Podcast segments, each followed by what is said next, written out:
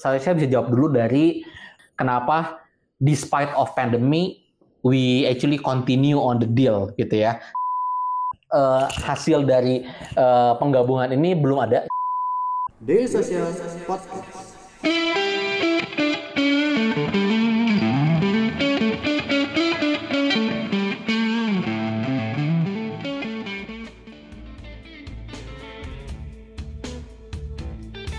Nah, ya. Mas, kita udah ada satu pertanyaan nih Mas dari teman-teman kita yang hari ini nonton juga nih. Ada dari Natasha Fernanda. Dia nanya nih, uh, waktu merger, bagaimana pengaturan uh, capitalized table persentase uh, tabel persentase kepemilikan yang uh, yang baru nih antara Circlo dan juga atau uh, dan juga iCube setelah mergernya. Dan hmm. uh, sebelum deal, apa, apa apakah perlu persetujuan semua shareholder? Uh, hmm. Ini juga uh, pertanyaan yang sangat menarik dan ya. juga uh, oh apakah perlu persetujuan seluruh shareholder atau hanya uh, Mas Brian sebagai pemegang uh, shareholder secara mayoritasnya? Nanti, nanti. Oke, okay. jadi uh, pertama adalah kalau ngomongin nentuin cap table atau nentuin saham gitu ya, yang kemudian menjadi hmm. bagian dari deal yaitu saya rasa uh, yang pasti pertama itu sudah dibahas dari awal banget tadi kan walaupun secara high level dulu.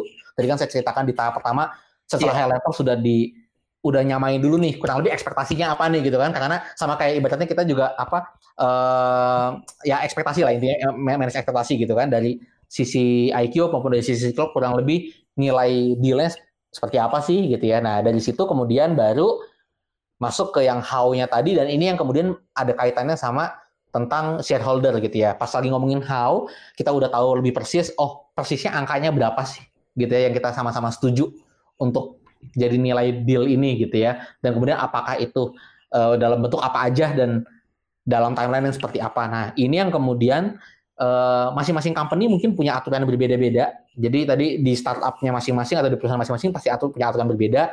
Uh, mau memberikan saham atau mau mengeluarkan uang senilai berapa itu butuh persetujuan siapa saja.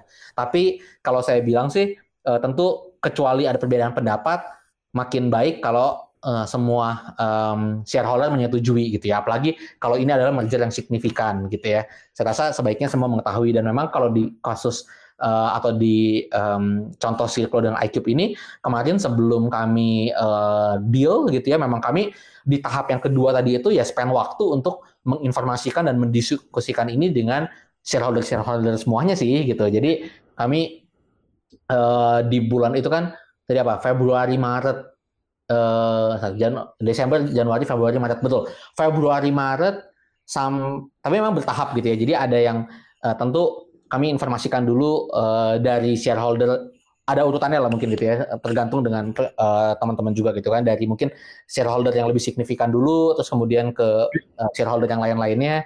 Uh, tapi pada akhirnya sih kemarin ini sebelum itu kemudian uh, difinalisasi semua shareholder sudah tahu dulu sih gitu. Jadi uh, proses ini memang didukung sepenuhnya dari semua shareholder. Oke, gitu ya masih jadi ya. uh, perlu diketahui juga nih oleh uh, seluruh shareholder uh, shareholdernya. Ya, aku uh, balik lagi nih ke pertanyaanku nih mas. Kalau misalkan uh, dari segi biaya nih mas, hmm. ketika kita melakukan merger itu hmm. uh, seberapa seberapa sih mas? Apakah biayanya bisa dikatakan cukup besar kah untuk melakukan suatu merger gitu? Uh, Oke, okay. saya oke okay. yang pasti pertama saya uh, bedakan ada dua macam biaya ya mungkin. Satu adalah biaya dalam artian mungkin bukan biaya tapi nilai dari transaksi gitu ya. Kan sama kayak ibaratnya ngomongin investment atau kita ngomongin akuisisi atau ngomongin merger dalam hal ini itu kan ada nilai transaksi kan gitu ya. Misalnya nilai transaksi dalam artian kepemilikan saham gitu kan. Nah, kalau yang itu saya rasa mahal nggak mahal relatif terhadap bisnis ya. Sama aja kayak kita ngomongin kayak investasi gitu kan. Um, investasi di satu perusahaan itu besar atau kecil gitu ya. Mungkin di perusahaan seperti Silko dapetin investasi sekian juta dolar. Seperti kemarin kan kami baru-baru ini mengeluarkan berita kami uh, dapat pendanaan 6 juta dolar. Uh, apakah itu besar atau kecil? Ya mungkin relatif terhadap bisnisnya ya gitu ya. Mungkin buat Silko oke okay, that's yeah. that's what we need gitu kan. Tapi di untuk di usaha lain mungkin itu angka yang sangat kecil atau sebaliknya mungkin buat perusahaan yang sangat baru itu angka yang sangat besar jadi kalau yang itu relatif. Tapi kalau kita ngomongin biaya dalam artian untuk melakukan transaksi tersebut untuk melakukan deal tersebut sebenarnya ada konsekuensi biaya apa aja sih? Nah yang itu uh, saya bakal bilang mungkin ya tidak beda jauh kalau dari pengalaman saya kalau setidaknya itu tidak beda jauh seperti satu proses uh, investasi ya mirip-mirip seperti nilai proses investasi. Uh, apa sih biaya apa aja sih yang ada terkandung di sana? Ada biaya notaris gitu kan biaya legal karena kan butuh uh, butuh lawyer law firm untuk kemudian ngedraft uh, perjanjian jual beli atau perjanjian investasi gitu kan. Kemudian kalau itu terjadi di Indonesia maka ke notaris ada biaya notaris. Terus kemudian kalau itu kemudian uh, kita mau lebih nyaman ada due diligence maka butuh ada tim due diligence yang mungkin kalau mau lebih independen lagi diambil dari pihak ketiga nah itu biaya juga gitu kan um, nah ini di luar konsultan-konsultan lain mungkin yang dibutuhkan untuk proses integrasinya ya. Contohnya bisa jadi tadi kan kita ada bicara tentang masalah menyelaraskan HR atau people ops atau culture. Hmm. Nah, ini kan bisa jadi juga kita mau melibatkan pihak ketiga, ada coach atau konsultan yang sudah ahli dalam proses akulturasi budaya dan uh, skema HR di dua perusahaan. Nah, itu juga jadi bisa uh, bisa jadi biaya yang lainnya juga yang terjadi di sini. Jadi um, ya itu mungkin yang perlu diperhatiin sih dan itu nilainya mirip lah seperti biasanya kalau kita dapat investasi ya kurang lebih di angka-angka yang serupa apa uh, nilai atau ongkosnya. Mungkin sedikit lebih mahal lah kalau okay. masuk integrasi integrasinya. Soalnya kalau orang invest kalau kita ada risk investment atau kita nge-invest kartu company kan kita nggak ada kaitannya sama integrasi karyawan gitu kan budaya itu kan nggak ada kan topik-topik kayak gitu yang topik-topiknya cuma topik-topik yang due diligence legal, finance gitu-gitu doang kan. Dek, ngobrol yuk. Ngobrolin apa bang? Ngobrolin startup bareng media sosial.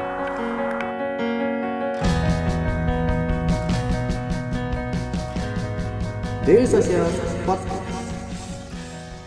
Kalau misal, oh kita belum ngomongin ini tadi, kita belum kes, sempat kesenggol. Kita ngomongin tentang masa pandemi nih mas. Hmm. Kalau misalkan uh, masa pandemi dan uh, tadi ya transisi di awal-awal kita uh, Circle dan juga IQ merger itu ada pengaruh tersendiri nggak sih mas? Ya mungkin sudah direncanakan waktu uh, dalam persiapan atau strateginya akhirnya uh, harus mencari cara lain atau berubah caranya ketika harus menghadapi masa pandemi seperti ini. Oke, okay. uh, oke, okay. pandemi saya bakal bilang sih, uh, oke, okay. pertama mungkin saya bisa jawab juga, saya, bisa jawab dulu dari uh, aspek yang tadi sempat kesebut sekilas juga di awal, kenapa despite of pandemic we actually continue on the deal gitu ya. Ya mungkin jadi beberapa orang banyak yang bertanya juga misalnya gitu ya, secara pribadi ke saya, wah uh, lumayan berani juga ya melakukan aksi uh, korporasi gitu. Misalnya seperti ini di tengah-tengah uh, situasi ekonomi mungkin yang tidak terlalu menentu pandemi dan lain-lain gitu ya. Tapi kenapa akhirnya kami lanjut juga? Kami melihat bahwa kebetulan sektor yang kami uh, jalani baik di Cyclo maupun di iCube itu adalah sektor e-commerce yang sebenarnya justru malah um, tidak terlalu kena dampak negatif ya gitu ya dari pandemi ini. Karena kan justru uh, tuntutannya makin banyak brand atau bisnis perlu berjualan online ya di masa-masa seperti ini gitu kan sehingga secara bisnis secara umum tidak terlalu uh, mendapatkan dampak negatif baik di Circle maupun di iCube itu jadi salah satu alasan utama kenapa kami tetap lanjut gitu kan walaupun situasi pandemi. Nah tapi memang secara prakteknya uh, kendala mungkin cuman sedikit-sedikit aja kendala dalam artian teknis aja ya dalam artian misalnya kayak proses yang tadinya harus bisa lebih cepat contohnya misalnya kalau hal-hal kecil lah misalnya kayak ketemu notaris gitu kan tadinya mungkin yaudah ketemu langsung beres di depan hat notaris sekarang ini jadi lebih ribet gitu kan karena kita nggak gak, sempat ada PSBB juga kita nggak nggak bisa keluar rumah gitu kan uh, serba harus um, online padahal uh, tata hukum di Indonesia sendiri masih banyak dokumen yang harus ditangan-tangan secara tanda tangan basah misalnya gitu. Jadi sehingga prosesnya kemarin ini kalau saya perhatikan memang sedikit mundur juga. Tadinya kami sempat optimis wah mungkin ini proses dalam waktu eh, empat uh, bulan lima bulan selesai tapi uh, harus sampai enam bulan akhirnya gitu kan dari Desember sampai ke uh, Juni gitu kan. Tapi kurang lebih itu aja sih kalau yang di luar dan begitu pula mungkin dengan ini sih dengan uh, post mergernya juga memang tadi kan saya sempat sebutkan misalnya kayak tentang integrasi budaya dan segala macam itu juga sesuatu yang mungkin uh, jadi lebih mungkin jadi tantangan tersendiri lah mungkin saya bilangnya gitu ya. Jadi lebih lambat karena hal-hal yang tadinya mungkin bayangkan kalau kita misalnya baru gabung gitu ya satu perusahaan salah satu hal yang menarik itu kan kalau semua bisa sempat ketemu gitu kan terus Iya. kemudian bertemu sapa eh, tim yang nantinya kemudian akan bekerja bersama gitu kan. Karena misalnya tadinya Mia Mas Ilham dari sisi iCube saya dari sisi Circlo terus kemudian setelah penggabungan kita harus bekerja sama kan kalau udah sempat ketemu ada enaknya juga gitu kan dibanding sekarang semuanya harus serba online tapi saya sih bilang ya mungkin ini tantangan yang memang semua bisnis juga harus hadapi ya dan sesuatu yang mungkin tidak temporer memang harus belajar mengubah gaya aja sih gitu ke depannya Oke, nah itu tadi tantangan-tantangan ternyata tetap muncul ya di Ya. pandemi ini terkait merger yang dilakukan Circle dan juga iCube. Ya. Nah, Mas ini ada pertanyaan eh, pertanyaan lagi nih dari eh, Natasha Fernanda lagi nih, dia Ya. masih pengen nanya. Boleh Ah. banget nih tanya terus ya, mumpung Ya. hari ini kita Mas Brian dan Ya. kita lagi ngomongin merger nih. Dia- Dia bertanya, Ya. bagaimana cara menentukan eh, valuasi masing-masing perusahaan? Apa apakah pakai valuator dan eh, siapa yang eh, siapa pihak yang harus membayar ketika dalam proses ini menggunakan jasa eksternal atau pihak ketiga? Karena eh, dia bertanya karena digital asset di Indonesia mungkin masih susah dijadikan eh, menjadi suatu tolak ukur. Betul, betul. Oke, hmm, jadi jawabannya yang kayak gini, eh, oke, mungkin saya jawab dari pengalaman eh, kasusnya Circlo dulu aja ya, bahwa Circlo selama ini sih eh, kami eh, dengan ukuran perusahaan dan keterbukaan informasi yang ada eh, belum sampai pernah membutuhkan pihak ketiga ya untuk mengakses. Adapun adapun pihak ketiga yang tadi saya sebut mungkin lebih ke aspek legal atau aspek due diligence gitu ya, tapi tidak terlalu di aspek valuasi gitu ya. Jadi aspek valuasi memang didapatkan dari eh, negosiasi atau diskusi dari eh, pihak-pihak atau top manajemen yang terkait saja gitu.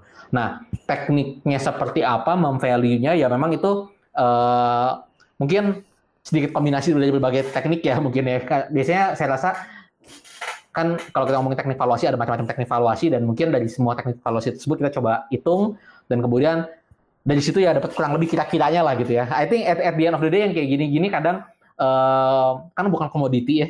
Anyway juga ini bukan komoditi jadi bukan sesuatu yang kita bakal bisa bilang oh harganya ya biasanya segini loh gitu ya kan. Eh, kalau komoditi kan kayak gitu kan kita tahu harga pasaran dan kemudian udah pasti harganya sekian tapi kalau seandainya nilai transaksi seperti ini sama halnya seperti investasi juga bahkan gitu kan investasi kok ada startup baru yang dapetin pendanaan seed funding 500 ribu dolar, ada yang dapatnya 50 ribu dolar, ada yang dapatnya 5 juta dolar gitu. Kok beda-beda gitu ya. Itu um, ada aspek valuasi tapi juga ada aspek saya rasa negosiasi atau diskusinya gitu. Dan di proses circle kemarin sih uh, itu semua diselesaikan di internal. Um, top management uh, bertemu dengan top management uh, tentu melibatkan juga shareholder yang ada persetujuan shareholder um, hanya untuk praktek teknisnya untuk memastikan bahwa persyaratan hukumnya jelas, berkas-berkas dokumen-dokumen yang dijadikan dasar atas penilaian juga jelas, itu yang mana kami uh, melibatkan pihak ketiga, gitu ya. Oke. Dan uh, ada pertanyaan lagi nih Mas, dan aku mau nyambungin juga ke pertanyaanku ya. Pertama, tadi kan kita udah ngomongin tentang uh, prosesnya ya, proses dari merger ini. Sekarang hmm. aku pengen nanya tentang hasilnya nih Mas, setelah tiga bulan tadi uh, sempat kita mention juga dari apa dari matrix dua kolom tadi yeah. kita juga tahu misalkan iCube menghadirkan sesuatu yang baru memberikan sesuatu yang baru dan juga uh, bagi Circle nih ya dari segi uh, bisnis yeah. sebenarnya uh, yang pertama apa hasil atau sejauh ini dampak apa yang sudah mulai terasa secara bisnis ya Mas ya dari Circle mm -hmm. atas uh, merger ini dan ngomongin tentang produk baru tadi uh, apakah sudah ada Uh, produk baru yang dikeluarkan oleh Circle dari hasil merger ini dan mungkin menyambung juga dari pertanyaan teman kita dari audiens kita ada dari Tank Studio nih dia uh, sekalian nanya juga bedanya Circle Store sama Circle Commerce apa nih mas? Okay. Ya jadi kalau bicara produk baru banget uh, hasil dari uh, penggabungan ini belum ada. Jadi uh, dalam artian kalau benar-benar ini produk ada tadinya nggak ada sama sekali terus tiba-tiba jadi ada karena penggabungan eh, Circle dan iCube itu belum belum ada. Tapi yang sudah dirasakan yang sudah terjadi adalah sudah ada uh, secara internal beberapa reorganisasi sehingga ada efisiensi dari pekerjaan yang tadinya uh, di iCube dikerjakan di Circle dikerjakan tapi ternyata kalau itu sekarang sudah sama itu sudah bisa disatukan gitu ya uh, salah satu ambil contoh deh infrastruktur gitu ya infrastruktur dalam artian kayak uh, server dan lain-lain itu tim yang sudah mulai kami gabungkan gitu ya dari kedua uh, belah tim.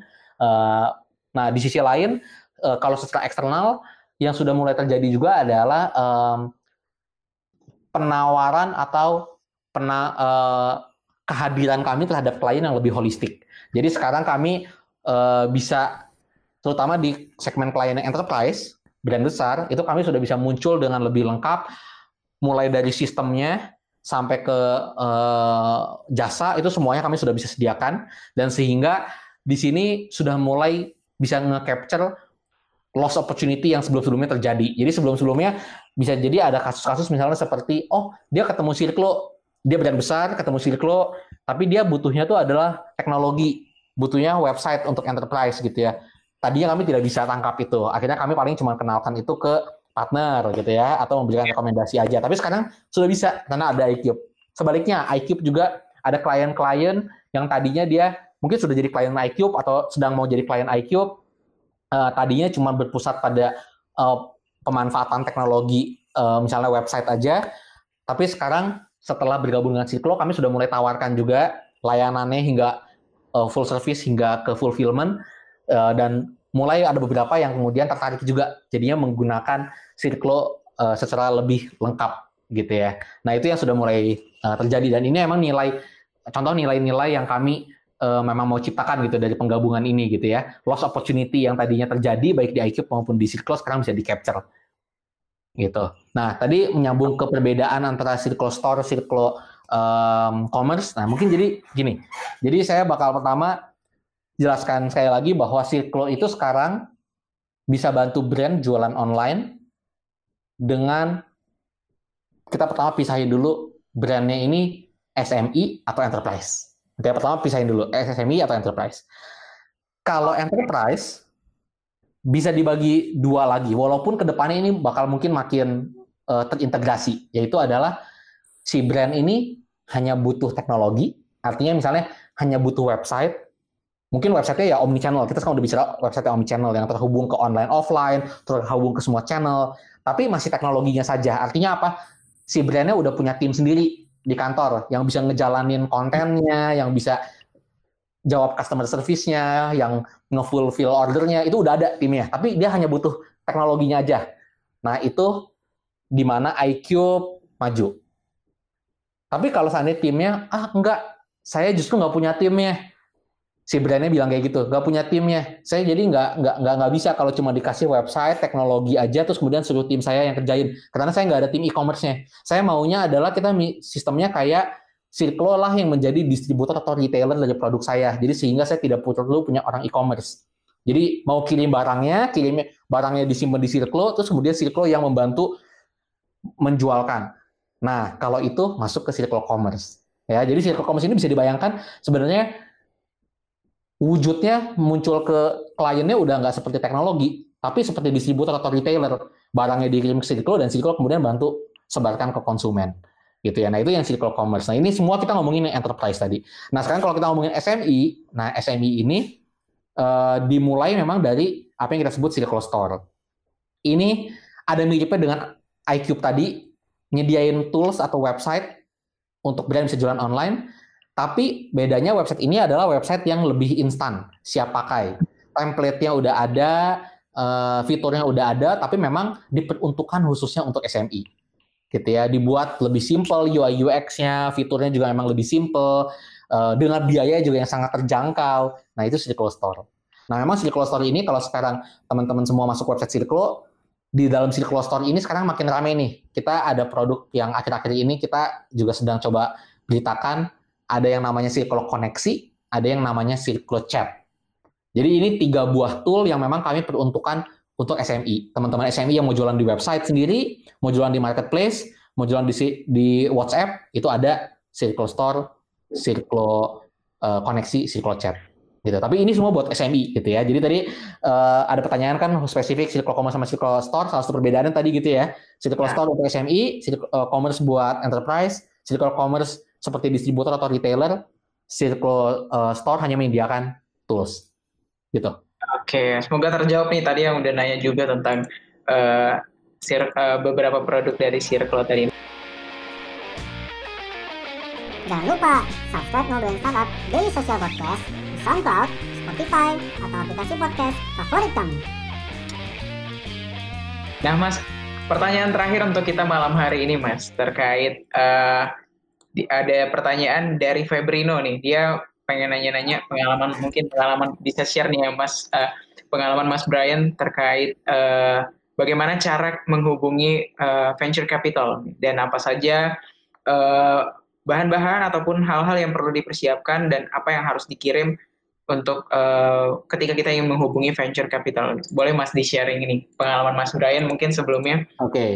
ya cara menghubungi venture capital. Oke, okay, um, kalau dari pengalaman siklus sendiri sih sejauh ini uh, biasanya dua macam ya. Satu adalah melalui um, network gitu ya. Jadi sama, sama seperti tadi halnya uh, Silicon dengan IQ juga saya rasa mungkin buat teman-teman startup semua di luar sana sebisa mungkin berjejaring gitu ya. Uh, apalagi toh terlepas dari kebutuhan nyari investasi atau kemudian uh, kemungkinan untuk M&A sebenarnya kan yang tadi kita bahas di awal banget juga zaman sekarang perusahaan teknologi memang sangat butuh kolaborasi gitu kan sehingga jangan sampai tidak berjejaring dan dari jejaring tersebut saya rasa uh, pasti dari salah satu obrolan dengan yang lainnya muncullah nama-nama atau perkenalan-perkenalan dengan venture capital gitu ya. Jadi itu satu cara. Cara kedua juga adalah sebenarnya saya rasa mungkin tidak perlu terlalu fokus pada mencari banget venture capital, tapi coba fokus di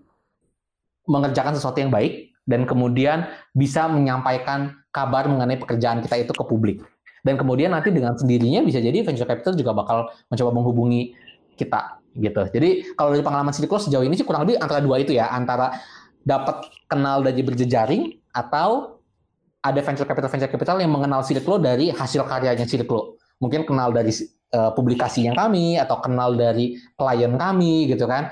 Kalau kita mengejar sesuatu yang baik kan pasti nyampe lah teli, ke telinga orang-orang di luar sana gitu kan. Dan kemudian ada yang menghubungi Siliklo gitu. Nah terus kalau udah ketemu atau udah kenal uh, meeting mau mempresentasikan tentang bisnis kita, tadi kan pertanyaannya formatnya seperti apa? Kalau Silk sih sejauh ini biasanya kami uh, kalau ngomongin format lebih detailnya, slide-nya seperti apa segala macam, sebenarnya bisa di googling. Uh, cukup banyak juga referensi di luar sana, tapi buat kami per hari ini sih biasanya kami mulai dengan pasti pertama uh, visi misi yang mana biasanya itu terkait dengan problem statement, apa yang mau kita kerjakan, gitu kan. Terus kemudian uh, solusinya apa yang kita miliki untuk menjawab tentang visi misi atau uh, problem statement tersebut. Terus kemudian dilanjutkan dengan mudah-mudahan kalau bisnis sudah mulai jalan dilanjutkan dengan uh, perkembangan sejauh ini seperti apa. Jadi solusi yang dipropos tersebut itu udah ada buktinya nggak? Dalam bentuk apa? Demo atau mungkin dalam bentuk traction. Udah ada belum? Nah, setelah udah ada di situ, kemudian lanjut ke uh, forecast, projection gitu ya. Jadi ini kan yang tadi traction awal, ibaratnya demo awal, terus kemudian yeah. tapi kita coba jelaskan potensi ke depannya seperti apa. Terus kemudian biasanya kalau di pengalaman siklus sih uh, ada baiknya juga menyertakan sedikit testimoni gitu ya karena jadi supaya ceritanya itu tidak semua melulu dari sudut pandang orang pertama tapi ada dari sudut pandang orang lain gitu kan bahwa oh banyak kisah sukses atau sudah ada kisah sukses yang terjadi karena solusi yang kami atau kita hadirkan dan terakhir baru kemudian masuk ke bagian tim jadi ini semua ceritanya udah indah-indah gitu kan visi misinya udah ada solusinya nah. udah ada tapi tim yang berada di belakang layarnya seperti apa sih gitu nah itu kurang lebih uh, gambaran besarnya sih seperti itu. Tapi kalau lebih detail nanti coba googling juga ada. Atau mungkin di daily social juga siapa tahu besok-besok ada kelas khusus kelas khusus buat how to pitch to venture capital. Nah, mungkin oh, itu ya. ide Mas Ilham. Ya. Oke, okay, sih. Ya, buat Mas uh, Febrino tadi yang nanya ya, tadi udah udah Mas Brian udah cerita tentang pengalaman dan uh, sharing sedikit pengetahuan uh, terkait itu ya Mas ya mungkin ya. jawab dan juga uh, ada tuh tips-tips untuk membuat feedback dan lain-lain hal terkait seperti itu di website kita di dailysocial.id makanya jangan lupa kunjungin terus website kita dailysocial.id dan juga follow sosial media kita oke okay? ya. itu pertanyaan dari Mas Febrino tadi menjadi penutup Selasa Startup kita malam hari ini terima kasih Mas Brian ya ini luar biasa seru sekali uh, kita sharing-sharing tadi. Terima kasih teman-teman yang hari ini sudah menyempatkan waktunya untuk menonton Selasa Startup. Kalau gitu, uh, saya Ilham Sanjaya pamit undur diri. Sampai jumpa di Selasa Startup minggu depan.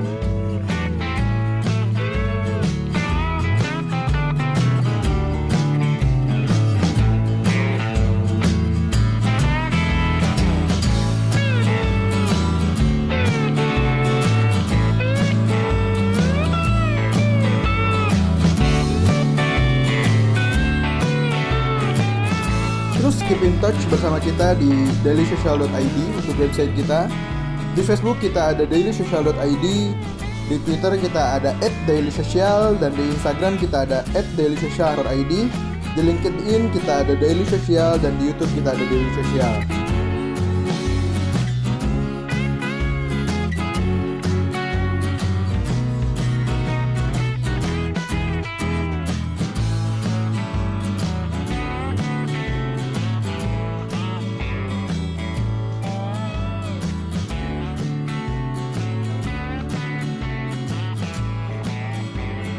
Daily Social Podcast.